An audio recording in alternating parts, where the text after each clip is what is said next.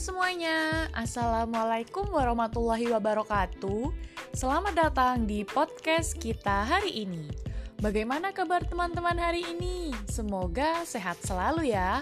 Sebelumnya, perkenalkan, saya Dian Jayawardani, biasa dipanggil Tian, NIM 27516364403 dari Prodi Pendidikan Sosiologi Offering A Angkatan tahun 2020 Fakultas Ilmu Sosial Universitas Negeri Malang. Nah, pada kesempatan kali ini saya akan menjelaskan secara singkat tentang apa saja sih media pembelajaran yang bisa digunakan oleh guru atau tenaga pendidik saat pembelajaran luring dan berbentuk non-digital. Sebelumnya, kita bahas dulu ya, apa sih pembelajaran luring itu? Jadi, pembelajaran luring adalah sistem pembelajaran yang memerlukan tatap muka dan tidak memerlukan jaringan internet. Luring adalah lawan kata dari daring, di mana luring adalah jaringan yang terputus dari jejaring komputer atau bisa juga disebut dengan pembelajaran dalam sistem offline.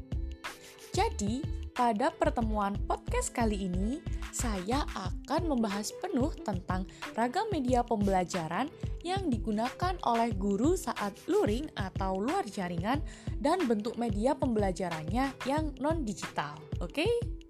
Di sini saya akan membahas tiga media pembelajaran yang mana dalam tiga media pembelajaran itu ada satu media yang pembahasannya dibagi lagi lebih mengerucut ya. Oke, lanjut pada pembahasan pertama. Yang pertama ada media cetak. Media cetak merupakan media sederhana yang mudah diperoleh di mana saja dan kapan saja. Media ini juga dapat dibeli dengan biaya yang relatif murah dan dapat dijangkau pada toko-toko terdekat. Buku, brosur, modul, dan lembar kerja siswa termasuk bagian-bagian dari media cetak. Keuntungan menggunakan media cetak adalah mudah untuk diperoleh, fleksibel, mudah dibawa ke mana-mana, dan ekonomis. Namun, media cetak juga memiliki kesulitan, terutama bagi peserta didik yang malas untuk membaca. Maka, peserta didik tidak memiliki pengetahuan awal yang memadai. Di samping itu, penggunaan media cetak juga menyulitkan bagi mereka yang senang belajar dengan menghafal.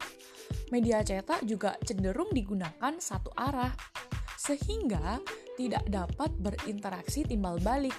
Media cetak seperti buku paket cenderung hanya digunakan untuk sekedar mengajarkan kurikulum saja dan tidak untuk mencapai tujuan dari pembelajaran. Yang kedua, ada media pameran atau bisa disebut dengan display. Seperti halnya media cetak, media pameran ini bermacam-macam loh jenisnya, seperti benda nyata atau biasa disebut dengan realia, dan benda tiruan atau biasa disebut dengan replika dan model. Benda nyata sering dilihat sebagai media tersendiri karena jumlahnya yang sangat banyak. Menurut pribadi, pada tahun 2011, ia membagikan media pameran ke dalam realia, model, diaroma, dan kit.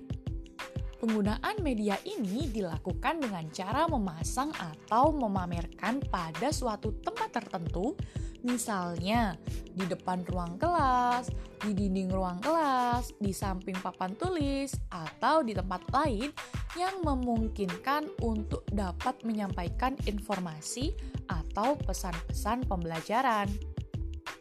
Tidak asing kan bagi kita saat di halaman sekolah sering sekali melihat mading atau melihat kata-kata motivasi yang dipajang di setiap sudut sekolah.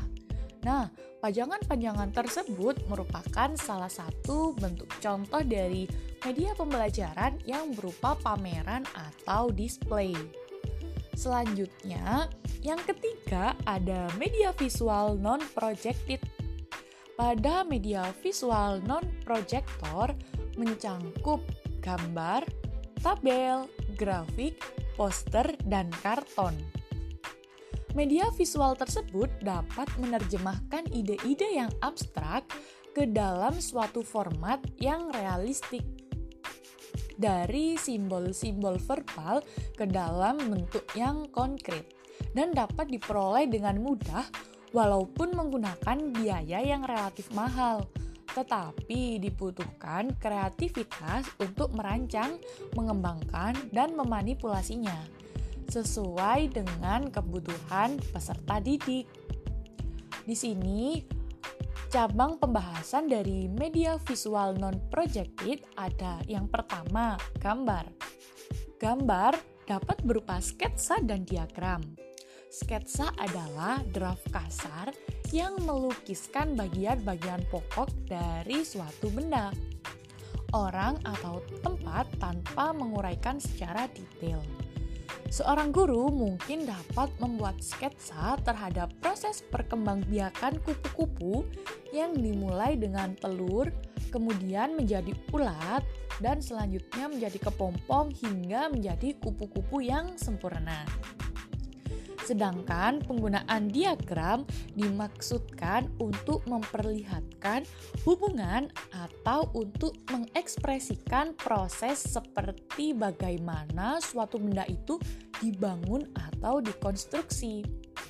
Isi diagram pada umumnya berupa petunjuk-petunjuk, sedangkan diagram itu menyederhanakan yang kompleks sehingga dapat memperjelas penyajian pesan yang disampaikan. Yang kedua ada bagan.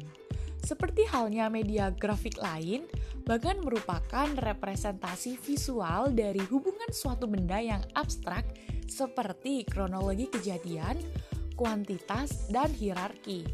Dengan kata lain, media visual yang berfungsi untuk menyajikan ide-ide atau konsep-konsep yang sulit disampaikan secara tertulis atau lisan secara visual. Misalnya, bagan struktur pengurus di kelas 10 atau bagan yang berisikan struktur di sekolah. Misalnya, siapa kepala sekolahnya, siapa wakil kepala sekolahnya, dan selanjutnya. Yang ketiga ada grafik. Grafik adalah gambar sederhana yang menggunakan titik-titik, garis, atau gambar yang berfungsi untuk menggambarkan data kuantitatif secara teliti menerangkan perkembangan atau perbandingan suatu objek atau peristiwa yang saling berhubungan secara singkat dan jelas. Adapun manfaat grafik adalah satu, untuk mempelajari dan mengingat data kuantitatif dan hubungan-hubungannya. Dua, grafik dengan cepat memungkinkan kita mengadakan analisis interpretasi, dan perbandingan antara data-data yang disajikan baik dalam hal ukuran, jumlah, pertumbuhan, dan arah.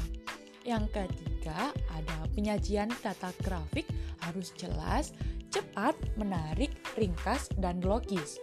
Grafik yang baik harus dapat memenuhi kriteria.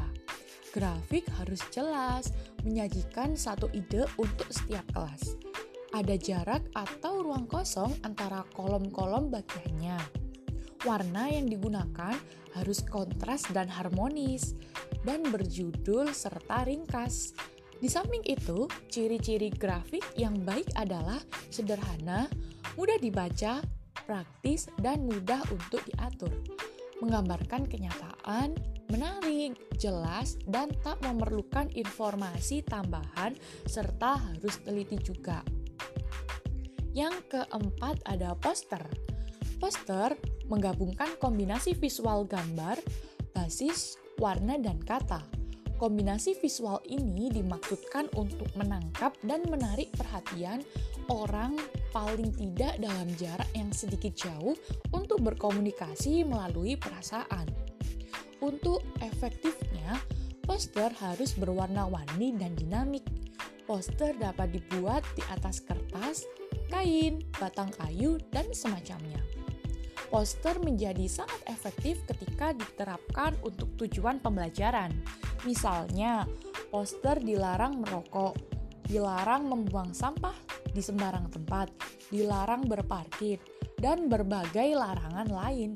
Di samping larangan, Poster juga dapat digunakan untuk perintah.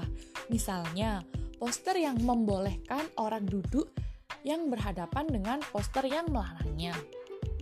Selanjutnya, atau pembahasan yang terakhir ada karton.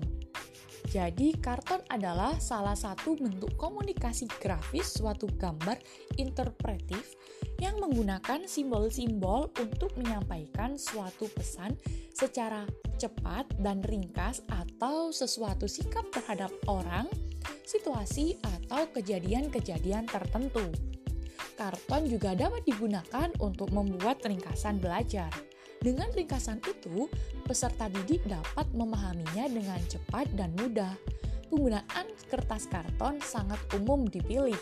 Hal ini dilakukan mengingat karton sangat mudah diperoleh, dapat dijangkau di toko-toko terdekat, ekonomis, dan dapat langsung digunakan tanpa harus didesain, diformat, atau dimanipulasi terlebih dahulu. Kertas karton seperti ini dapat digunakan secara maksimal terutama di daerah-daerah pedesaan dan pedalaman yang tingkat pengetahuan peserta didik tentang media digital dan internetnya itu sangat terbatas. Namun, di daerah perkotaan, penggunaan media karton yang sederhana dapat menyebabkan peserta didik kurang berminat dan cenderung tidak diperhatikan. Oke, sekian dulu penjelasan tentang ragam media pembelajaran yang bisa digunakan oleh guru atau tenaga pendidik dalam proses belajar luring atau luar jaringan yang berbentuk non-digital. Semoga apa yang saya sampaikan dapat bermanfaat bagi teman-teman semuanya ya. Sampai bertemu di lain waktu. Terima kasih. Wassalamualaikum warahmatullahi wabarakatuh. Bye bye.